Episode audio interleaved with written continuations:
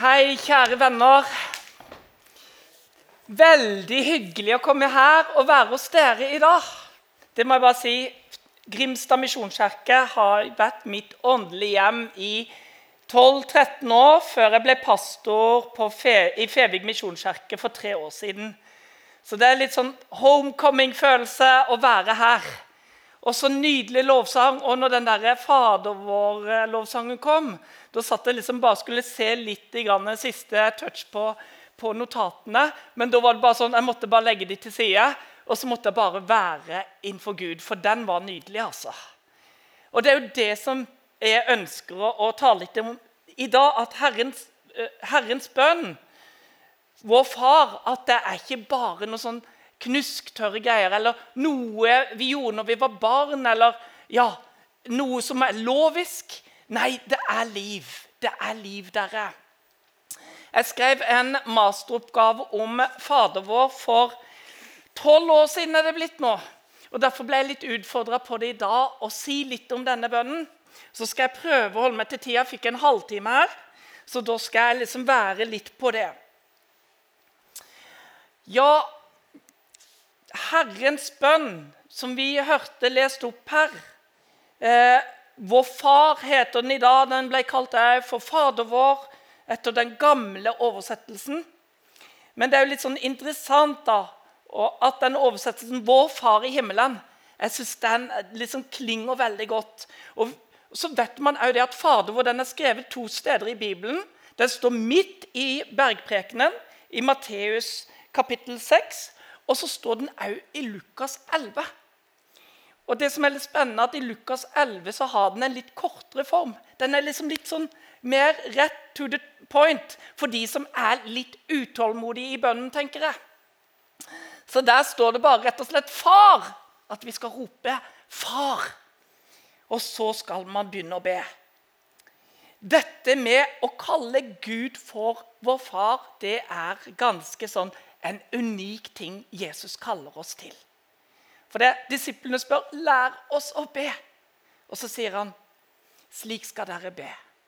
Vår Far i himmelen. Det at vi kan kalle Gud for vår far, det var noe ganske unikt for jødene på den tida, disiplene. For Gud var jo skaperen av alle ting. Den opphøyde, den hellige Gud. Og så likevel så sier Jesus dere skal kalle han for far. Og I Markus 14, 36, når Jesus var i Getsemane, i sin største prøvelse, så står det det at han roper 'Abba, far'. Og Dette ordet 'Abba' som Jesus bruker her, det er tatt med som en arameisk ord, det språket Jesus talte til daglig. Og Abba er enda, en enda sterkere uttrykk for far enn det pater, det greske ordet, er. For Abba betyr egentlig mer likt vårt ord pappa. Så det er jo liksom det der første ordet et barn sier til sitt far. Men det er òg det eh, en sønn som i voksen alder kan si fortrolighet til sin, til sin far. Pappa. Det ordet kan bringes med hele livet så lenge den nærheten og relasjonen er der. Som vi vokser i troa, så vil vi kunne kalle ham for Abba far, akkurat som Jesus gjorde. Og I Romerne 8, 15 så sier Paulus noe fantastisk fint. Dere har ikke fått den ånd som slavene har, så dere igjen skulle være redde. Nei, dere har fått Ånden som gir dere rett til å være Guds barn. Den som gjør at vi roper 'Abba, far'. Og I Galaterne 4, 6-7 så sier Paulus en annen gang og bruker dette uttrykket. og Han sier fordi dere er barn, har Gud sendt sin sønns ånd inn i våre hjerter. Ånden roper 'Abba, far'. Derfor er du ikke lenger slave, men sønn. Og er du sønn, er du også arving innsatt av Gud. Her står det noen helt fantastiske ting som Paulus tar og pointer ut. Det er liksom, liksom sånn touchpoint. Dette med Abba-far. Det er noe vi kan liksom gjøre at vi kan komme nær til Gud som barn. Og Johannes 1, 12 så sier apostelen Johannes at alle som tok imot ham, altså Jesus Kristus, de ga retten til å bli Guds barn de som tror på hans navn. Og dette at det er en rett, det er jo helt fantastisk. At vi har fått retten til å bli Guds barn. Og ikke nok med det, men tar du imot Jesus, så vil Jesus si, 'Fader, min far, se han, la oss sende ånden til ham.' Og du vil bli fulgt av Den hellige ånd når du tar imot Jesus. Så vil du kunne søke han, og så vil du oppleve det at denne åndens fylde den vil bli sterkere, og du kjenner en sånn en Abba, far. Pappa er ditt barn. Og det er der vi må begynne, dere. Å vite det at vi er Guds barn. Da kan vi være fortrolige med bønnen.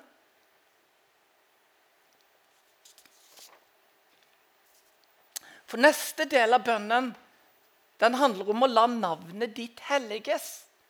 Hva betyr det? Det er litt sånn en bønn som ofte kan være, høres litt sånn vanskelig å gripe. Hva betyr det at Guds navn skal helliges?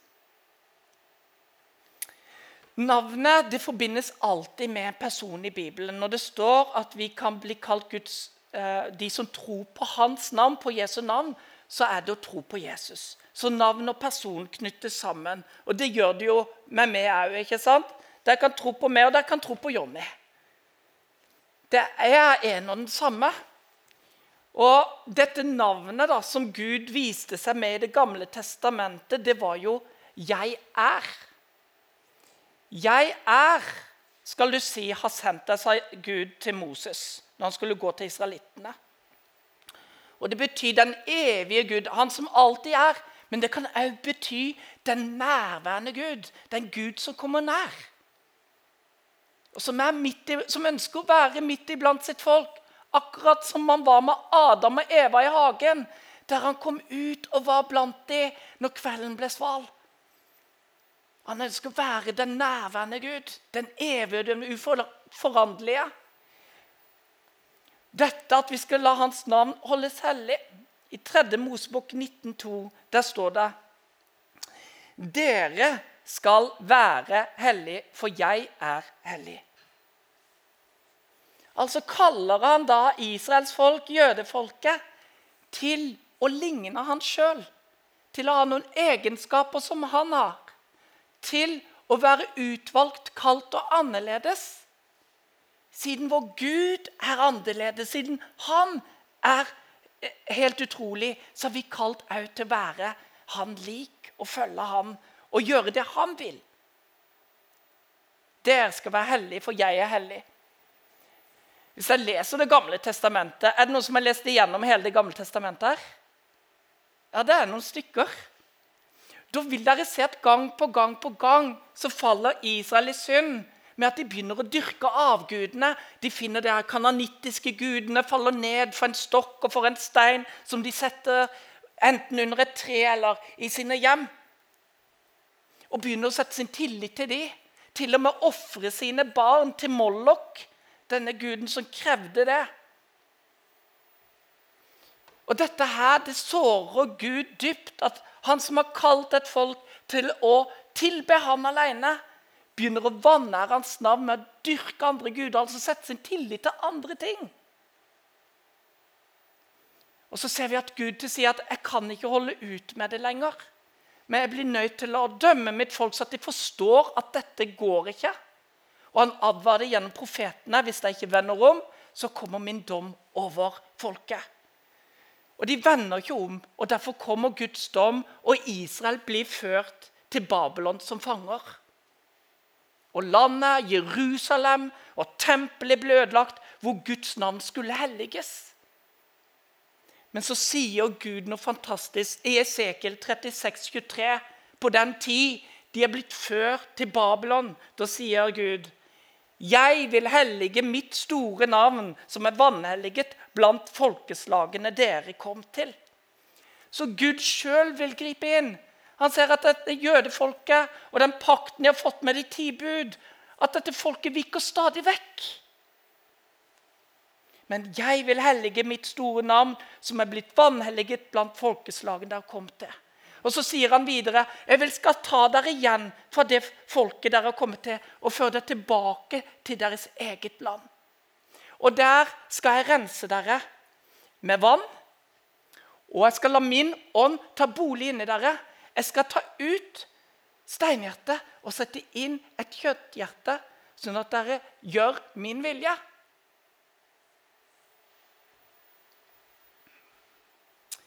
Og det er fantastisk. For vi vet at med det nye pakt som kom, så kom nettopp Jesus for å rense våre synder. Og i dåpen, når vi lar oss døpe dere, så dør vi med Kristus og står opp igjen til et nytt liv. Vi får en ny identitet når vi døper oss. Vi blir født på ny. Og den levende Guds ånd tar bolig inni oss. Og vi får en ny kraft og en ny mulighet til at Guds ånd skal fylle oss. Og Peter sier det sånn som dette her. Som lydige barn skal dere ikke lenger la dere lede de lystne dere fulgte den gang dere levde i uvitenhet. Han som kalte dere hellig. Slik skal dere også være hellige i all deres ferd. For det står skrevet, dere skal være hellige, for jeg er hellig. Dere påkaller Gud som far, han som ikke gjør forskjell på folk, men dømmer enhver etter hans gjerninger. Da må dere også leve i Guds frykt den tiden dere ennå er her som fremmede. Så Peter sier det at vi skal være lydige til Den hellige ånd. Og Vi skal søke nær Han og søke veiledning av Han. Og ikke liksom lenger leve som vi gjorde før, når vi ikke kjente Gud. For igjen så ønsker Gud at vi skal være hellige liksom han er hellig. Det er ikke noe nytt der. Men han har gitt oss en ny mulighet gjennom Den hellige ånd, gjennom at han har rensa våre synder, til å vandre med ham. Vi leser videre 'La riket ditt komme'. Det betyr i Det nye testamentet at når Jesus kommer igjen, så kommer han med sitt rike. Det ser vi gang på gang i brevene. Så snakkes det ikke så mye om Guds rikes komme, men det snakker om Jesu komme. Og Man hadde sånn et arameisk uttrykk som gikk sånn 'Maranata', og det betyr 'Herre kom', eller 'Herren kommer'. Men dette med Guds rike det var jo noe som Jesus gikk rundt og forkynte. Det har jeg hørt han sagt Vend om, for Guds rike er kommet nær. Så Guds rike er noe. Og Mange ganger så tenker vi det at Guds rike ja, det er jo da menigheten. Nei, det er ikke det. Men menigheten skal være en del av Guds rike. Så har man liksom tenkt at Guds rike det er jo noe vi bygger. Nei, det er ikke det. For det, er Gud som har det som, som er bygningsmann for dette riket. Vi kan være medarbeidere. Guds rike, dere, det er det usynlige, usynlige til stede gjennom Den hellige ånds nærvær midt iblant oss. Men samtidig så er det noe enda mer, og det er eh, når Guds rike skal komme fullt og helt når Jesus kommer igjen. I Daniel 2 så sto det om en billedstøtte som symboliserte alle verdensrikene. Det var nemlig sånn at Nebukadneser hadde hatt en mektig drøm, og ingen av hans eh, drømmetydere kunne vite hva det betydde, for han ville ikke fortelle hva det var. Men Daniel søkte Gud, og så fikk han da vite hva drøm Nebukadneser hadde hatt av den høyeste Gud, og fortalte da tolkningen av den. Og Daniel sa at du, Nebukadneser, du har hatt en drøm der du sa en mektig billedstøtte. Hodet var gull. Brystet var sølv, Hoftene av bronse, beina av jern, og føttene var en blanding av jern og leire. Så så du dette her mektige synet av denne voldsomme billedstøtten. Og så så du at en stein ble brutt ut, men ikke med menneskehånd. Og den steinen den traff denne billedstøtten på føttene. Og med ett så knustes billedstøtten fullstendig. Og denne steinen vokste opp til et stort fjell og fulgte hele jorda. Og Så sier Daniel dette her at dette eh, Nebakuneser, dette er verdensrikene som skal komme og gå fra dua. Du er hodet av gull. Ditt rike er det mektigste, flotteste, og så skal det komme et av sølv. Og Det Daniel så i framtida da, det var Perserriket som skulle konkurrere ut babylonerne. Og så skulle det komme et rike seinere av bronse. Det var grekerne med Aleksander den store som da la det persiske riket i grus og faktisk var helt borte med India. Dette greske riket det ble òg overgått av et, et, nytt rike av jern. Det romerske riket som oppsto eh, oppsto år eh, ja, 100-50 før Kristus. Og som òg la det greske riket under seg. Og På Jesu tid, når han ble født, så var det Julius Cæsar som var keiser i Romerriket. Da han trådte inn i tilværelsen. Jesus sa i Matteus 21, 42. Har dere ikke lest i Skriftene? Steinen som bygningsmennene vraket, er blitt hjørnestein. Det er Herrens eget verk. Underfullt er det i våre øyne. Derfor sier dere, Guds rike skal bli tatt fra dere og gitt til et folk som bærer de fruktene som tilhører riket. Den som faller mot steinen, skal bli knust, og den som steinen faller på, skal bli smadret. Jeg tyder denne står om den lyd som Gud tar imot med glede ved være levende steiner i dette. Sitt på jorden, hans begeret går meg forbi, men ikke som jeg vil, bare som du vil. Så det handler om her at Jesus overgir seg til Guds vilje. Om her at Jesus overgir seg til Guds vilje. Han setter Guds vilje først. Men han ber Gud du vet de lidelsene som står foran meg. Men Herre, fri meg. Du er mektig til å kunne gjøre det. Men ikke som jeg vil, men som du vil. Men med Jesus sto det fast. Det sto i Skriften at han skulle dø for våre synder. Det var fastsatt. Og Tre ganger ba han denne bønnen om å slippe. Men Gud ga han svar. Du må gå korsets vei. Og når han hadde bedt tredje gangen, så sto han opp, og da visste han det at det sto fast. For på to og tre vitner så står det fast. Noen ganger kan vi be om noe, så sier Gud nei. Sånn var det med Jesus her. Nei, jeg kan ikke la din vilje skje. Min må skje her. For du skal være med og frelse menneskene. Det er bare den veien det kan gå. Og når Judas kom, og når soldatene kom, så står det at Jesus var rede. Han som hadde bedt med dødsangst, sånn at han svetta blod, faktisk, sto opp nå når soldatene kom. Hvor er Jesus? Og han sa, 'Jeg er det'. Og Hvis jeg leser Johannes-evangeliet, så gikk det en sånn kraft ut av ham at soldatene falt til bakken når han sa det. 'Jeg er det'.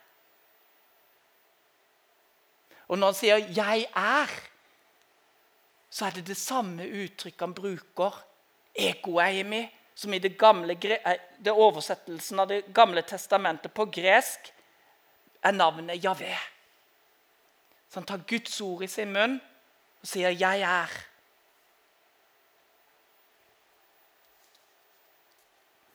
For i Efeserne 1,10 så står det det at Guds frelsesplan det var i tidens fylde og sammenfalte alt i Kristus. Alt i himmel og på jord i ham.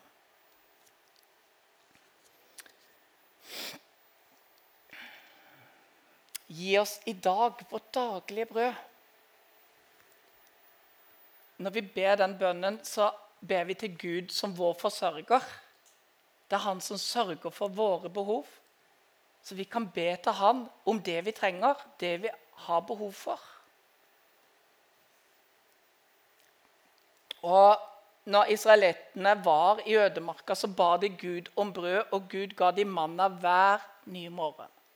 Hver eneste nye morgen så kunne de gå ut og samle manna og bake seg brød. Det var englekorn, står det i Bibelen, som Gud overnaturlig forsørga dem med. Men den dagen de kom inn i Kanans land, og Gud førte dem over Jordanselva, og de kunne spise igjen av det landet hadde å gi dem, da stoppa mannen. Så Gud kan både forsørge oss på overnaturlig vis, og han kan forsørge oss på naturlig vis. Med at når du ber 'Gud, gi meg mitt daglige brød', så plutselig så får du en jobb. Gud er praktisk, og Gud han vil ordne opp for oss. Og vi kan regne med at han er med. Men så sier Jesus noe enda, en enda viktig ting her i Johannes 6, 27, der han har på overnaturlig vis metta 5000 mennesker med brød. og så Dagen etterpå så kommer de og flokker seg rundt han igjen. Og så skjønner han det at de er der litt. For det er jo litt sånn de vil ha det. At det bare plutselig dekker for dem med brød hver dag. Men så sier Jesus, arbeid ikke for den mat som forgår, men den mat som varer ved til evig liv. Og så sier de her som følger ham da, Våre fedre og manna i ørkenen, slik det står skrevet. Brød fra himmelen ga han oss. Men så sier da Jesus at 'jeg er livets brød'. Den som kommer til meg, skal ikke hungre. Så Gud han ønsker å møte våre fysiske behov, men han har enda større omsorg for våre åndelige behov.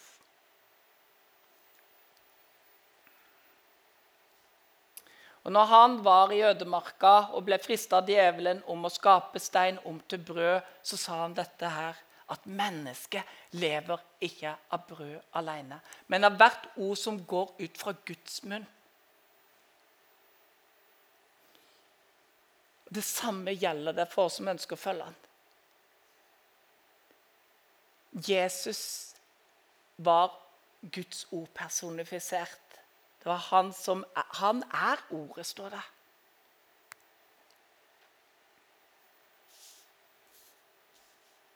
Og Han ønsker vi skal ta til oss av det han har. Dette ordet, 'daglige', det kan òg faktisk oversettes med 'morgendaglige brød'. Det morgendaglige brød. Og Jødene de snakker om, den, om, om Guds gjenkomst når Guds rike skulle komme med all dens herlighet som om det var at han skulle komme med ja, morgendagens brød. At det kan òg sikte til det himmelske som kommer. Gi oss i dag en smak av det, Gud.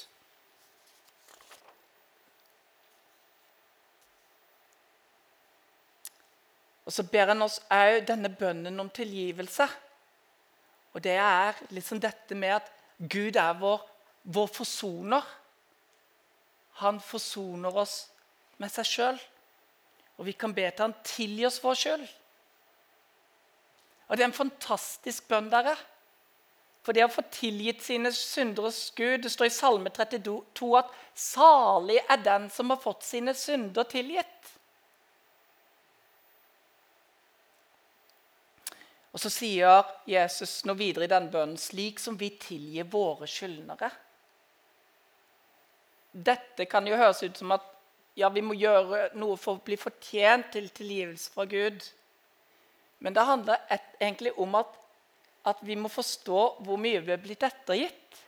Så vil fruktene av hva Gud har gjort for oss, bli at vi òg ønsker å tilgi. Og Jesus hang på korset, og de spotta han og håna han. Så sa han, 'Far, tilgi dem, for de vet ikke hva de gjør.' Når Stefanus, den første matyr som hadde talt til jødiske råd i Jerusalem, og traff hjertene deres på en sånn måte at, at, at tennene gnissa. Og Mens han gjorde det, så så han plutselig himmelen åpen, og så så han Guds sønn med Faderens side. Og så sa han, 'Jeg ser menneskesønnen ved fad, stå ved Faderens høyre hånd.' Da holdt de seg på, foran ørene og reiv klærne av seg og dytta han ut. Og så steina de han. Men mens Stefanus ligger der, så sier han, 'Far, tilgi de, for de vet ikke hva de gjør.'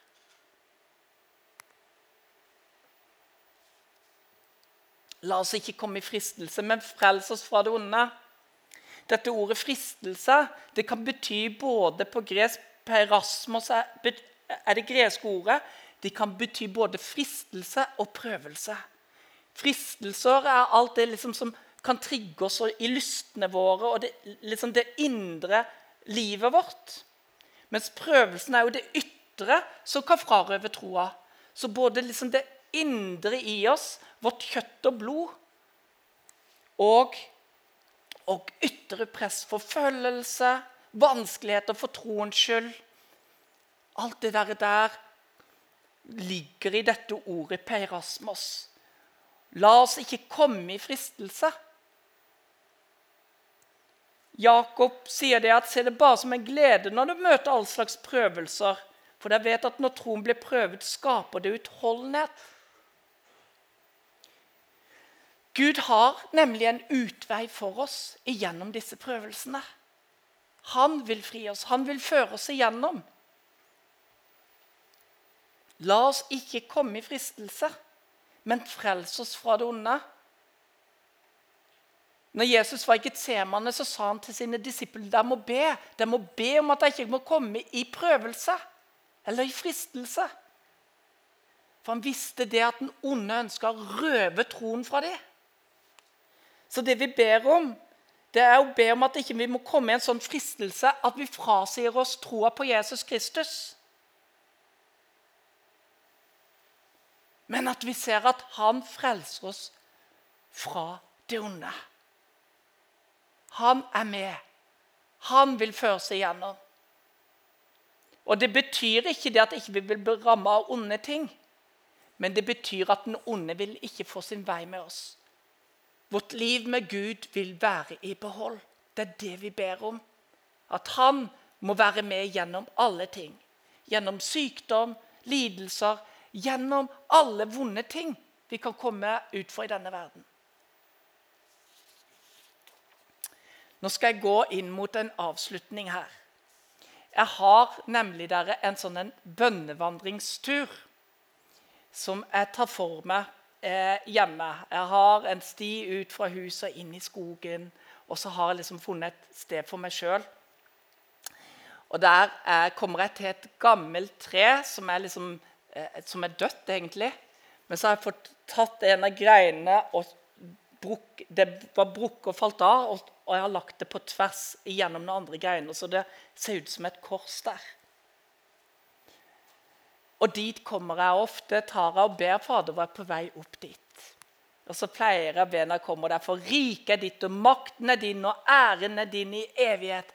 Amen. Og så setter jeg meg ned der med korset.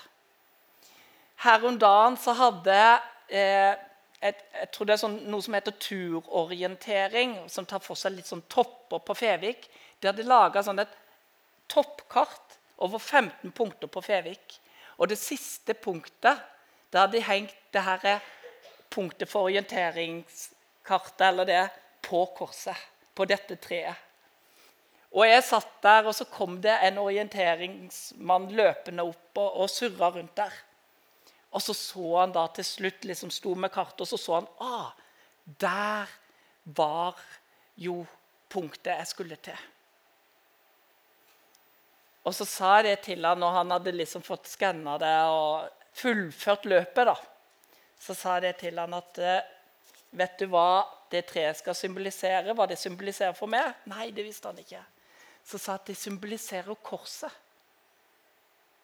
Og så sa jeg det, du løp rundt meg, og så hadde jeg spurt han litt hva han holdt på med, og hva han gjorde. da, Og sånne ting, og han viste meg liksom kartet og viste meg liksom hvordan, hvordan dette var lagt opp. Og at det var det siste punktet. Så sa jeg at så du ser Bibelen så er det kartet for hvordan vi skal på en måte finne fram til Gud. Og Gud vil alltid lede oss til korset. Hva Jesus gjorde for oss. Det er det som er på en måte touchpointet for hva Gud eh, har gjort for oss mennesker. Det er det som er møtestedet. Og så fikk jeg liksom dele evangeliet med han da. Og vi snakka om skaperverket og snakka om hvor fantastisk det er. Så jeg tenker det der, Når vi er i bønn, så får vi òg en liksom våkenhet for plutselig å få noen sånne åndelige bilder òg. Så bare utfordrer jeg bruk Fader vår. Tenk det som en bønn. Av og til så jeg kunne bare bedt når jeg har vært i prøvelse, så jeg bedt til Gud frels meg fra det onde. Eller når jeg har trengt at han har forsørget meg på noe vis, gi meg mitt daglige brød. Kjære dere, jeg håper dere blir velsigna av det her. Ta med dere det som dere husker, og det Den hellige ånd har lagt i hjertet deres. Må Gud velsigne dere så mye. Amen.